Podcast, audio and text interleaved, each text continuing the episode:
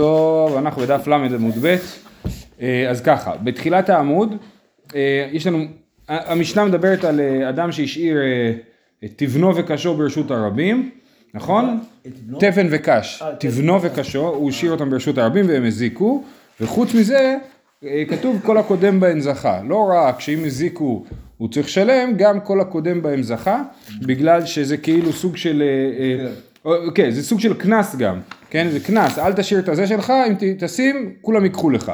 על זה יש מחלוקת, בלמד עמוד ב' למעלה, אמר רב, בין בגופן בין בשבחן. וזעירי אמר בשבחן אבל לא בגופן, כן? אז יש להם מחלוקת, מה, מהו ההפקר? לפי זעירי, ההפקר הוא רק מה שמשביח יותר מהערך המקורי, כאילו מה שרשות הרבים השביחה את התבן והקש, זה שייך לכולם, אבל התבן והקש המקוריים זה שייך לבעלים. אני לא יודע בדיוק איך הם יכולים לחלק את זה, אני לא מצליח לדמיין איך מחלקים את התבן והקש עם השבח שלו כאילו. בכל אופן, רב אומר בין בגופן בין בשבחן, זאת אומרת ברגע ששמנו את התבן והקש ברשות הרבים, וזה מתחיל להשביח, אז כתוב שכנסו גופן משום שבחן, כן? אז השבח שייך לכולם.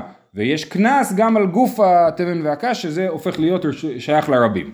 אז אנחנו באמצע המחלוקת שלהם ואנחנו נמצאים לימה כהני תנאי זה השלורה השלישית הרחבה, כן?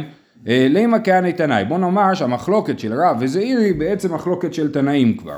המוציא תבנו וקשו לרשות הרבים לזבלים והוזק בהן אחר חייב בנזקו וכל הקודם בהן זכה, ואסורין משום גזל, שזה משפט מאוד משונה, אם כתוב כל הקודם בהן זכה, איך יכול להיות שהם אסורין משום גזל, נכון? רבן שמעון גמליאל אומר, כל המקלקלין ברשות הרבים והזיקו חייבים לשלם, וכל הקודם בהם זכה, ומותרין משום גזל.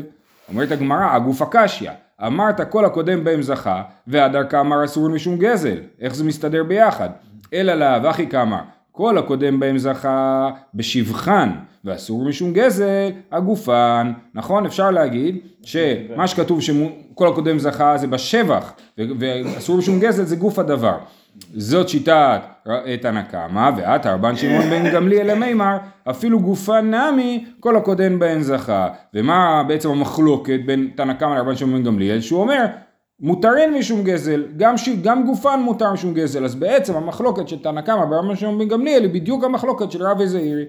אומרת הגמרא לזעירי ודאי תנאי, זעירי חייב לומר שזה מחלוקת תנאים, כי הוא לא מסתדר עם רבן שמעון גמליאל בשום צורה שהיא, כי הוא חושב שגופן אסור משום גזל, ורבן שמעון גמליאל חושב שגופן מותר משום גזל.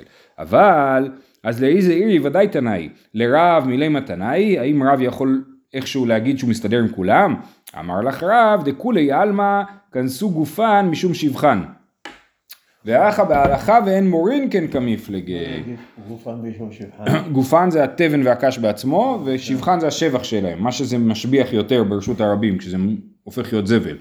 אז אומרת הגמרא, המחלוקת היא בהלכה ואין מורין כן, זאת אומרת רב אומר, באמת כולם מסכימים שגופן ושבחן מותרים, רק השאלה היא האם אומרים את זה לכולם. האם אני אומר, תשמעו, מעכשיו מי שמוציא דברים לרשות הרבים, זה הופך להיות הפקר, כל אחד יכול לקחת, או שאני לא אומר את זה. אז המחלוקת היא בהלכה בין מורין כן, כמפלגי, דאיתמר. רב הונא אמר רב, הלכה ואין מורין כן, רב עדה בר אהבה אמר, הלכה ומורין כן. אז המחלוקת תנאים, שלפי תנא קמא לא מספרים שגופן מותר, ולרבן רבן שמעון גמליאל כן מספרים שגופן מותר, למרות שגופן באמת מותר. למה לא לספר את זה? כי אתה... אה, אה, לא, לא, לא יודע, זאת אומרת, אני לא יודע למה דווקא פה נגיד שיש פה הלכה ואין מורים כן, ש, שלא מספרים שזה מותר. בכל אופן זאת מחלוקת המוראים ומחלוקת תנאים, האם הלכה ואין מורין כן או הלכה ומורין כן. אז יש לנו רב הונא אמר רב הלכה ואין מורין כן, רב עדה בר אהבה אמר הלכה ומורין כן. איני והרב הונא אף כרכושלי, רב עדה בר אהבה אף כר סליקוסטה.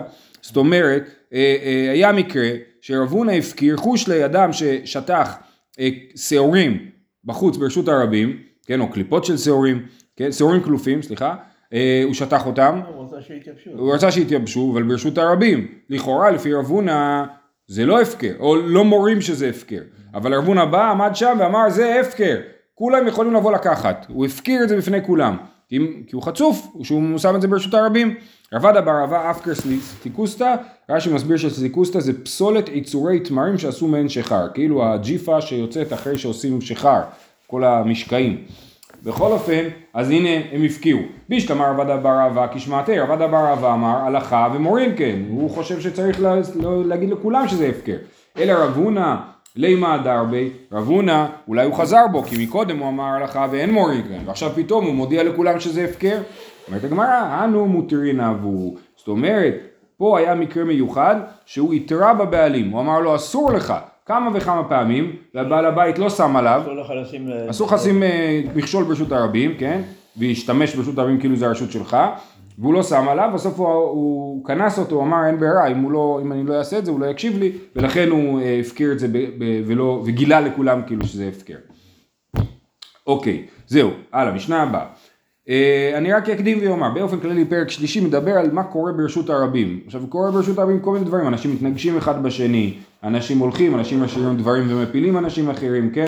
יש גם תאונות שרשרת כמו שעוד מעט נראה, כן? אז כל הדברים האלה מתרחשים ברשות הרבים וצריכים לשלם עליהם. עכשיו מבחינת, כאילו יש לנו ארבעה אבות נזיקין, אז אה, אה, יש לנו שן ורגל פטורים ברשות הרבים, אז זה לא שייך לשן ורגל, נכון? אה, אש גם לא בדיוק מתאים. לכן בור, בור זה לכאורה הדבר שהכי מתאים לנזקים ברשות הרבים. קורה. או אדם המזיק, שאדם המזיק בעצם הוא חייב על הנזקים שהוא עושה, כאילו, וזה לא אחד מאבות נזיקים. אז עכשיו, ובאמת הדבר הזה, הוא הופך להיות לסוג של התלבטות, כאילו, בתוך הגמרא, על, מה, על איזה אב נזיקין, כאילו, המשנה מדברת. אומרת המשנה, שני קדרים, שהיו מהלכים זה אחר זה, שני קדרים, מה הקדר מחזיק? כד, כד חרס. חרס. שני קדרים שהיו מהלכים זה אחר זה, ונתקע לראשון ונפל, ונתקע לשני בראשון. הראשון חייב בנזקי שני, כן? אז הראשון נפל, ואחרי ההוא שהלך אחריו, הוא לא שם עוד בלם, כן?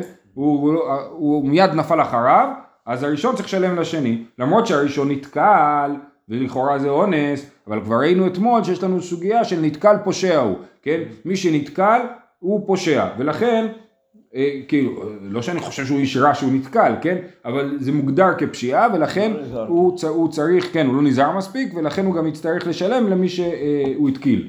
דיברנו לפני אה, יומיים אני חושב, אם הוא מזיק בשני אחרי שהוא נפל או תוך כדי שהוא נופל. נכון, בשעת נפילה, פה הוא לא מפרש. כן, לא, נכון, אבל שם דיברנו על, לא, לא האדם שמזיק בגופו, אלא האדם שהכד שלו מזיק, כן? אז יש את הכד שנופל על מישהו ויש את, ה, את הכד שאחרי שהוא נפל ונשבר הוא הזיק והוא לא הרים אותו.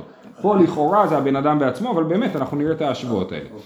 אמר רבי יוחנן, לא תימה מתניתין רבי מאיר היא דאמר נתקל פושע הוא. זאת אומרת, הרעיון של נתקל פושע זה מחלוקת תנאים. רבי מאיר חושב שנתקל פושע ורבי יהודה אומר שנתקל לאו פושע. זה בדיוק המחלוקת של, של שעת נפילה. אם הוא מזיק לו או האדמה מזיק לו. כן, כן, לא, לא, זה היה זה מחלוקת אחרת. זה היה מחלוקת אחרת. היה נתקל פושע, זה מחלוקת אחת. האם נתקל פושע או נתקל לאו- פושע. אז, אה, אז עכשיו, אז רבי יוחנן אומר, אל תחשוב שהמשנה שלנו היא רק לשיטת מי שאומר שנתקל פושע הוא. אלא אפילו לרבנן, דאמרי אנוסו ופטור, אך החייב. כי היה לו לעמוד ולא עמד. זאת אומרת, רבי יוחנן אומר, המשנה שלנו מדברת במקרה של בן אדם שהראשון נפל, ואז נשאר על הרצפה שטוח ככה, לא קם. ואז אומרים לו, תעמוד, אתה מפיל אנשים, כן? לכן, אם הוא לא עמד, אז הוא צריך לשלם למי שהוא הפיל. אבל אם הוא נפל ומיד, זה היה תאונת שרשרת מהירה כזאת, כן? הראשון נפל והשני נפל מיד אחריו, אז הוא לא יהיה חייב, רק למאן דאמר, כמו במירון, למשל. כן. ממש מאוד. אה, כן, כן. אז הוא אומר, לא, נכון, פה מדובר על נזיק- נזקים, לא על אה, נפשות. אה, נפשות זה לא נזקים? זה עובד אחרת קצת. דיני נפשות. לא, זה- יש לך שוגג, יש לך אנוס, יש לך... זה. זה- יש אנשים שלא שותים כלום. זה המהנדסים אשמים שם. בוא, בוא, נחזור לענייננו. אה, אז, אז אה, שוב, יש לנו מחלוקת אם נתקל פושע הוא. לפי רבי מאיר בכל אופן נתקל פושע הוא, אבל לפי רבנן שנתקל לאו פושע הוא, הוא יהיה חייב רק אם היה לו לעמוד ולא עמד. אם היה לו מספיק זמן לעמוד והוא לא עמד, על זה הוא חייב, אבל אם הוא לא היה לו זמן לעמוד, הוא לא חייב. זה שיטת רבי יוחנן. רב נחמן בר יצחק אמר, אפילו תימה לא היה לו לעמוד, היה לו להזהיר ולא הזהיר. אה, רבי נחמן, רב נחמן בר יצחק אומר, ברגע שלא הדלקת אורות בלם, על זה אתה חייב. היה לך להזהיר, אתה, אתה נופל, אתה צריך לצעוק אני נופל, ואז ההוא שאחריך ידע להיזהר. הוא כן. גם רואה שהוא נופל. נכון, נכון, כן, אבל אולי הוא לא שם לב, לכן הוא היה לו להזהיר ולא הזהיר. ועל זה הוא חייב, על זה שהוא לא הזהיר, כן? על זה שהוא לא אמר, אני נופל. אה, ורבי יוחנן אמר, כיוון דלא היה לו לעמוד, לא היה לו להזהיר דתריד. רבי יוחנן אומר, מה אתה רוצה, המסכן נופל עכשיו, עכשיו אתה רוצה לחייב אותו לתש... לשלם על זה שהוא לא צעק תוך כדי נפילה, אני נופל? הוא היה מוטרד מזה שהוא נופל, נכון? ולכן הוא חייב רק אם עבר מספיק זמן בשביל שהוא יקום. אם לא עבר מספיק זמן שהוא יקום, הוא לא חייב. זה המחלוקת שלהם.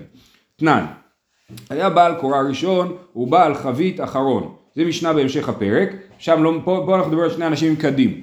פה אנחנו, במשנה הבאה, כאילו, אנחנו נדבר על אה, אחד עם כד ואחד עם קורה. מה קורה כשקורה וכד נפגשים?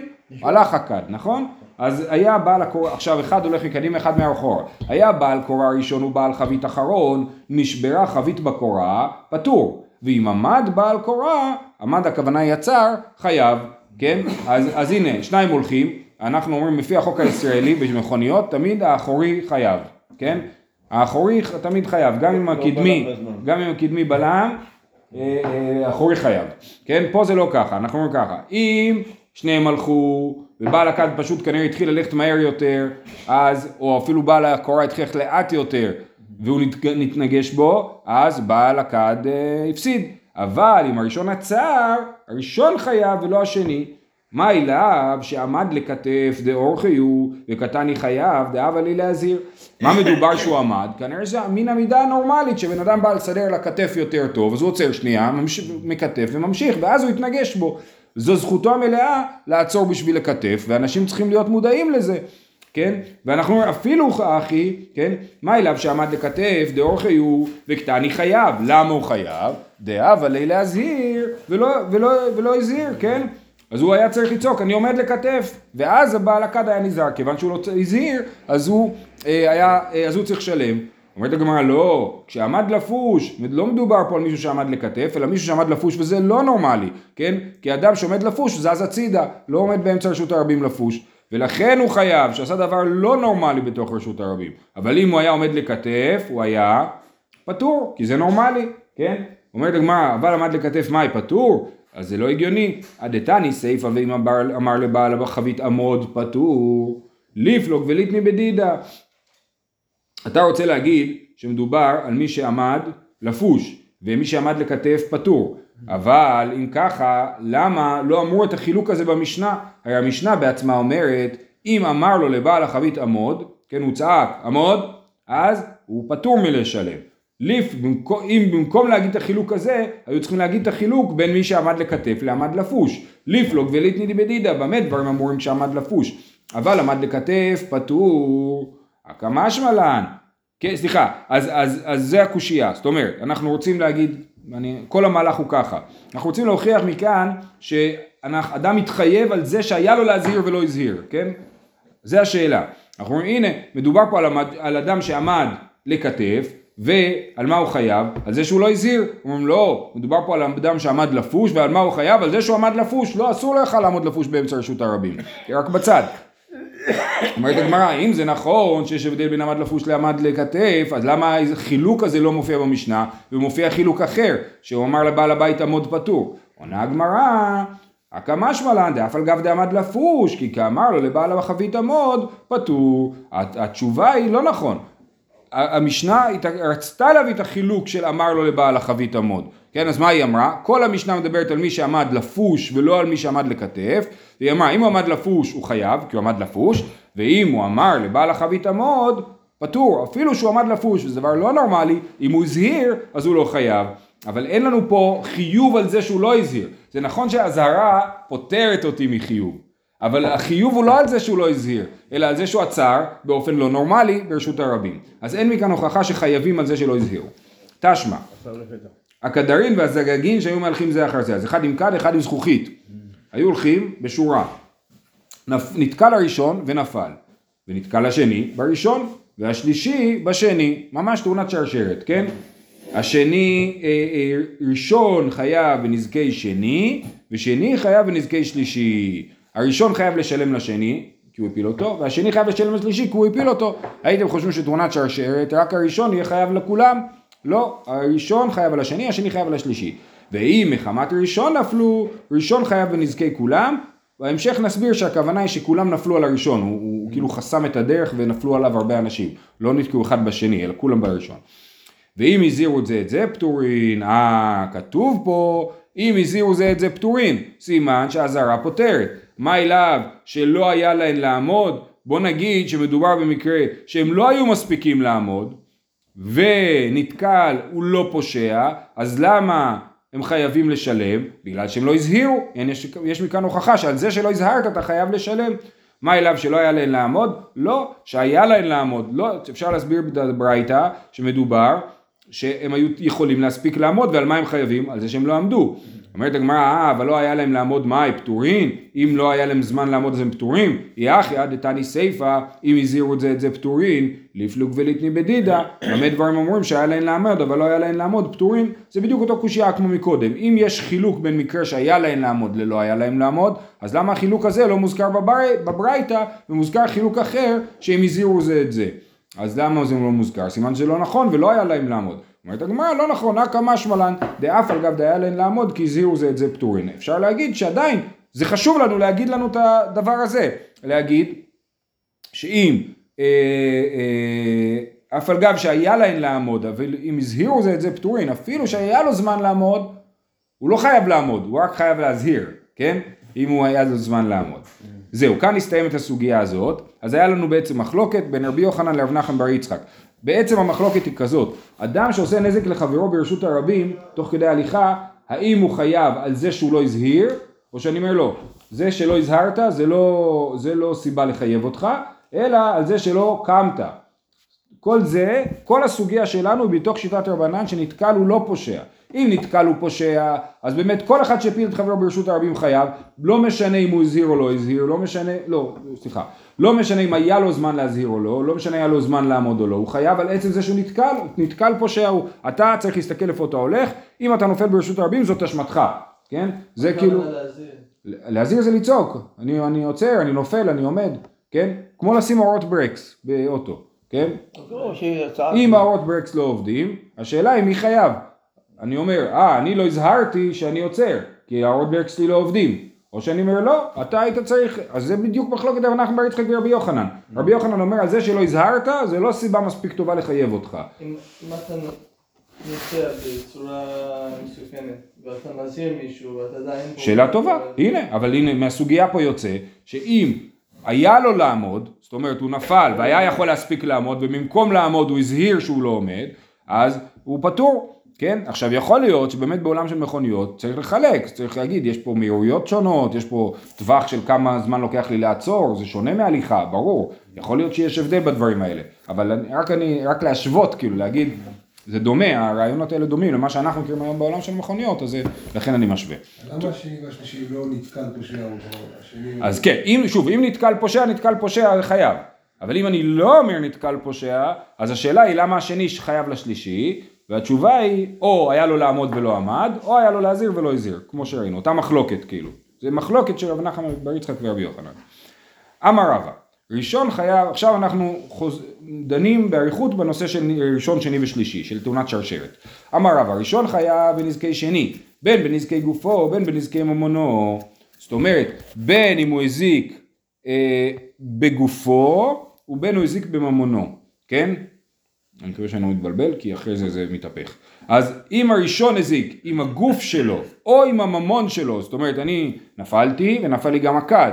ההוא שאחריי, או שהוא נופל עליי, או שהוא נופל על הכד, נכון? אז ראשון חייב בנזקי שני, בין בנזקי גופו, בין בנזקי ממונו. שני חייב בנזקי שלישי, בנזקי גופו, ולא בנזקי ממונו. אם השלישי נופל על השני, על הגוף שלו, אז השני חייב לשלם, אבל אם הוא נופל על הכד שלו, הוא לא חייב לשלם.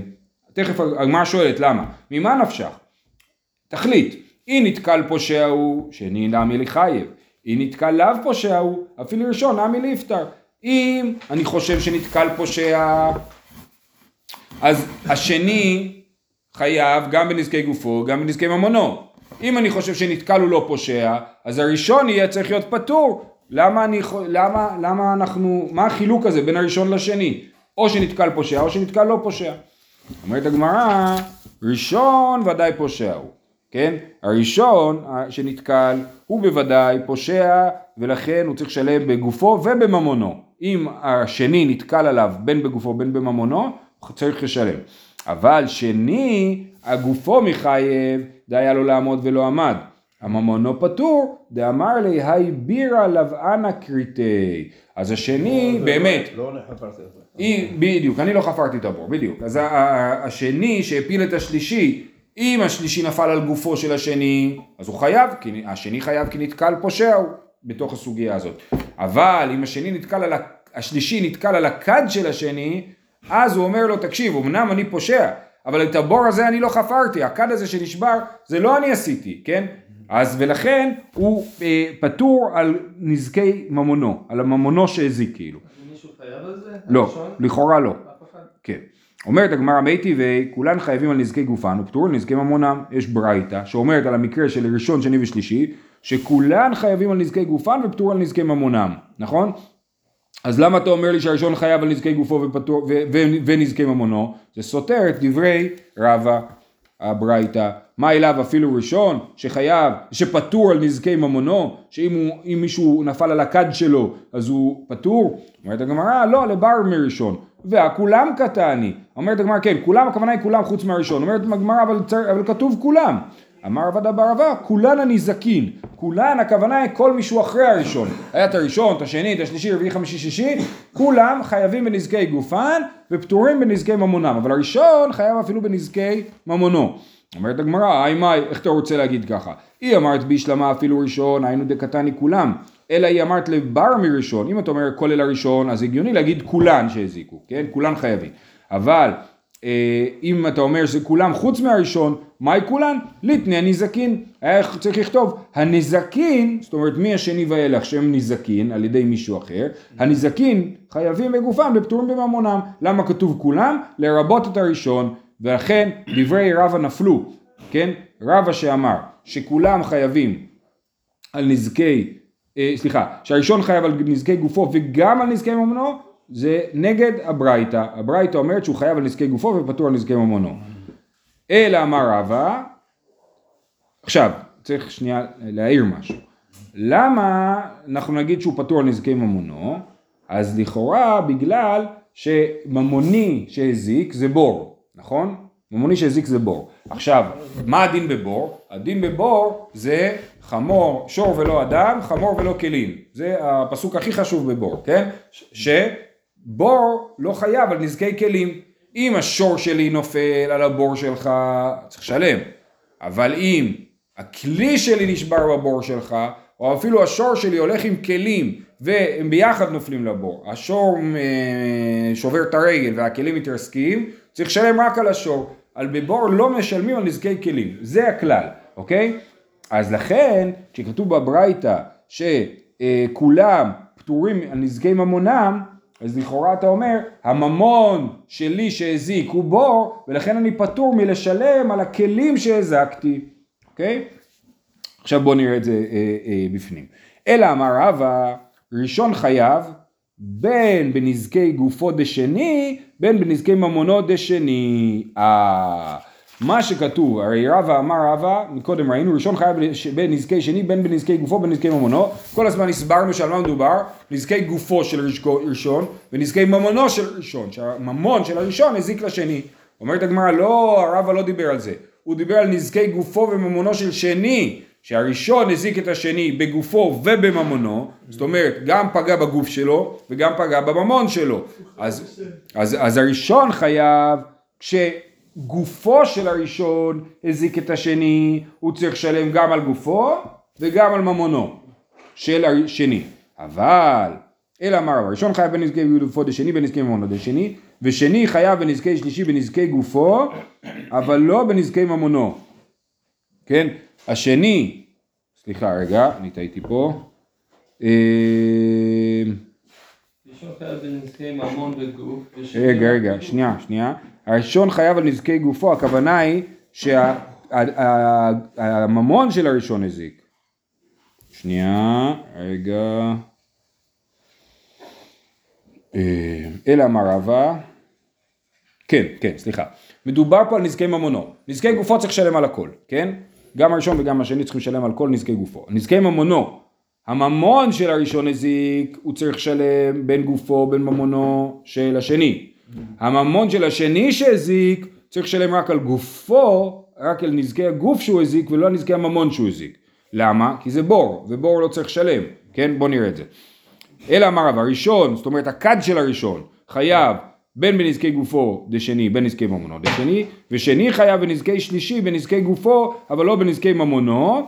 זאת אומרת, את הממון של השלישי הוא לא צריך לשלם כשה, כשהוא נשבר בגלל הממון של השני, מה איתם הדאב עלי בור, ולא מצינו בור שחייב בו את הכלים, כן? הכד שלו הוא בור, ולא מצינו בור שחייב את הכלים. אז נשאר פה שאלה, למה הוא, הכד של הראשון חייב. נכון? אז בואו נקרא את רש"י. אלא אמר רבא, דיבור מתחיל אלא אמר רבא, על כורכך רבא לא חייב הראשון בנזקי ממונו שהזיק בשני, דלאו פושע הוא, ולא חילק בין ראשון, סליחה, אני, הנה, סליחה, קודם הסברתי נכון, אז אנחנו חוזרים להתחלה. אלא אמר רבא, על כורכך רבא לא חייב הראשון בנזקי ממונו שהזיק בשני, דלאו פושע הוא, כן, כי אנחנו אומרים נתקל לאו פושע הוא, ולא חילק בין ראשון לשני, אלא בנזקין שהזיק גופו, ואחי אמר רבא, ראשון הווה גופו מזיק, וחייב אפילו בנזקי ממונו של שני, הואיל והיה לו לעמוד, אבל שני אפילו היה לו לעמוד, לא מחייב כולי אי כראשון, דראשון הווה פושע תפי משני, כן, הראשון הוא יותר פושע מהשני, כי בכל זאת, הוא גרם לשני ליפול, כן, ולכן את השני, השני פטור מלשלם על הממון שהוא הזיק, רק על הגוף שהוא הזיק. ילקח, ראשון ודאי הווה מזיק, ושני מסתיה אם ישבת לי לגופי בור. אני כאילו, אז זה מה שהטעה אותי, כן.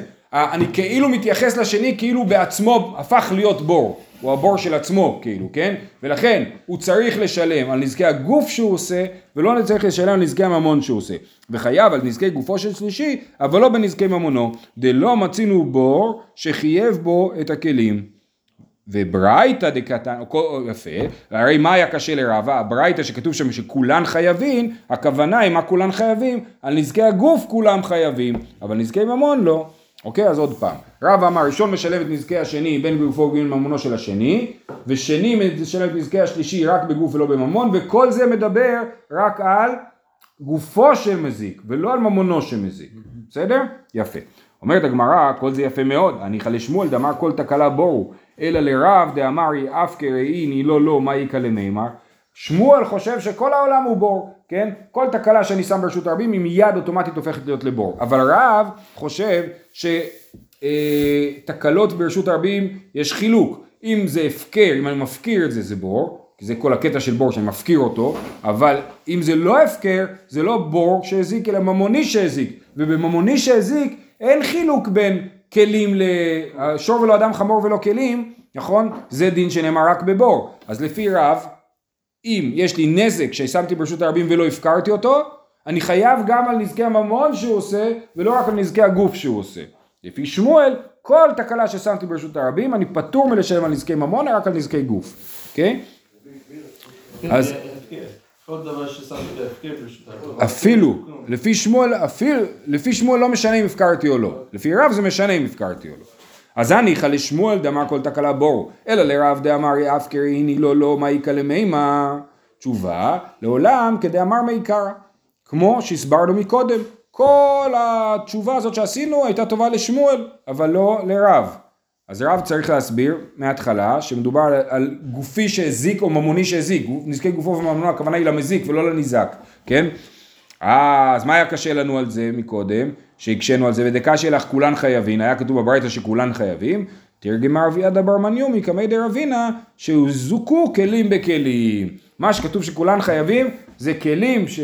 מה שכתוב שכולן, שנייה, איפה זה? כן, ודקה שלך כולן חייבים, רגע, כן, אה, תרגם עבד הברמניון כמי דרבינה שהוזקו כלים בכלים, ואמרנו שכולן חייבים על נזקי גופן ופטורים לנזקי ממונם, זה הקטע, לא, כן, כן, אז, אז למה כולם חייבים על נזקי גופן ופטורים לנזקי ממונם? כי זה ממון שהזיק ממון, כן, ממון שהזיק ממון אמרנו שהוא פטור מלשלם כי זה בור. אז אה, לסיכום, לפי שמואל, יש לנו זמן לסיכום. אה, כן, לסיכום. רבא אמר, יש לנו, שתי אפשרויות מה רבא אמר. או שרבא אמר שאני חייב לשלם, הראשון חייב לשלם על נזקי גופו ועל נזקי ממונו של הראשון, הוא חייב לשלם לשני, בין אם הוא הזיק אותו, ב, אה, והוא דיבר על נזקי הגוף, והשני לשלישי משלם על נזקי גופו ולא משלם על נזקי ממונו. ומה נעשה שכתוב כולן חייבים על נזקי גופן ופטורים על נזקי ממונם? הכוונה היא שאז רב, כאילו רבא דיבר רק על נזקים שעשיתי לגוף. אני חייב לשלם את הנזקים שעשיתי לגוף, בין אם עשיתי את זה בגופי, בין עשיתי את זה בממוני. מה מה הכוונה? לא. אם אני, מישהו נפל עליי, זה נזקי גופי, אני עשיתי את הנזק. אם מישהו נפל על הכד שלי, זה נזקי ממוני. הממון שלי הזיק. מה... עכשיו, מה אני צריך לשלם? תלוי. אם הזקתי לגופו של אדם, אז אני צריך לשלם. ואם הזקתי לממונו של אדם, אז יש חילוק. אם הגופי הזיק לממונו של אדם, אני צריך לשלם. אם ממוני הזיק לממונו של אדם, על זה נאמר בברייתא, כולן חייבים על נזקי גופן ופטורים על נזקי ממונם. אני רק שואל, זה רק השני שנפל. הראשון חייב... הראשון, לפי רבא, חייב לשלם גם אם ממונו הזיק, אבל לגופו של אדם, לא לממונו של אדם. עם גופו הזיק. אם גופו, אם גופו הזיק צריך לשלם בכל אופן. אם ממונו הזיק, אז זה החילוק בין ה... החילוק בין הראשון לשני, נכון? כל הקטע של רבא שאומר הראשון צריך לשלם יותר מהשני, נכון? אז מתי יש חילוק בין הראשון לשני? כשממוני הזיק גופו של אדם. אז יש חילוק, הראשון צריך לשלם, השני לא צריך לשלם כי זה ממוני שהזיק ואני לא אשם, זה, אני, כמו שאמרנו, אני לא חפרתי את הבור הזה, נכון? יפה. ולפי הלישנה השנייה של רבא, לפי שמואל, אני צריך לשלם אה, אה, כל מה שרבא אמר זה רק על גופו של אדם, שגופו של אדם הזיק, צריך לשלם בין גופו ובין ממונו של הניזק, זה הראשון, והשני צריך לשלם רק את גופו של הניזק ולא את ממונו, כי אמרנו את הוורד שרש"י אמר, שכאילו אני מתייחס לגופו של השני, כאילו הוא הפך להיות בור בעצמו ולכן הוא פטור מלשלם על ממון. זהו, מקווה שמה שהבנו הבנו, רק נשאר לנו לסיים את הברייתא. אמרנו בברייתא, אמר אמר, אם מחמת ראשון נפלו, ראשון חייב בנזקי כולן, אמרנו כל זה מדובר בתאונת שרשרת, שהראשון פגע, בש... הש- השני פגע בראשון, השלישי פגע בשני, אבל מה קורה אם כולם פגעו בראשון? אז הגמרא שואלת, מה זה אומר מחמת ראשון נפלו, כן? ראשון חייב בנזקי כולם. מחמת ראשון איך היא נפיל, איך הוא נפל? הרב פאפא אמר דפסקא לאורחא כשילדא, רב רזביד אמר כחוטרא דסמיותא. אז מה, או שהוא נופל אה, ישר, או שהוא נופל באלכסון, ככה רש"י מסביר. אז לפי, ותוספות מסביר שיש ביניהם מחלוקת, כן? שרב פאפא אומר, אם הוא נפל ישר, אז הראשון חייב בנזקי גולם, אבל אם הוא נפל אה, אה, באלכסון, אז, אה, שנייה רגע, בוא נראה את התוספות, הרב פאפא פליג, וסביר לי לרב זידי כי פסקה לאורך כשילדה, כן, אם הוא נפל ישר, אז הראשון רואה את השני נופל, הוא צריך להיזהר, זה שהוא נפל גם זה אשמתו, אבל אם הוא נפל באלכסון, אז אני רואה את הראשון נופל כאילו מטר קדימה, אני, אני, אמרתי, אני אמרתי לעצמי כאילו אני אזהר עוד מטר, אבל כיוון שהתקלה הייתה באלכסון, אז אני נפלתי מוקדם יותר, ולכן הוא צריך לשלם. זאת אומרת, רב, רב זביד אומר שבמקרה שנפל ישר, הראשון לא צריך לשלם על הנזקי השלישי, כי היה צריך להיזהר. ובמקרה שנפל באלכסון צריך לשלם על הנזקי השלישי. זהו, שיהיה לכולם יום טוב ושבוע טוב ובשורות טובות.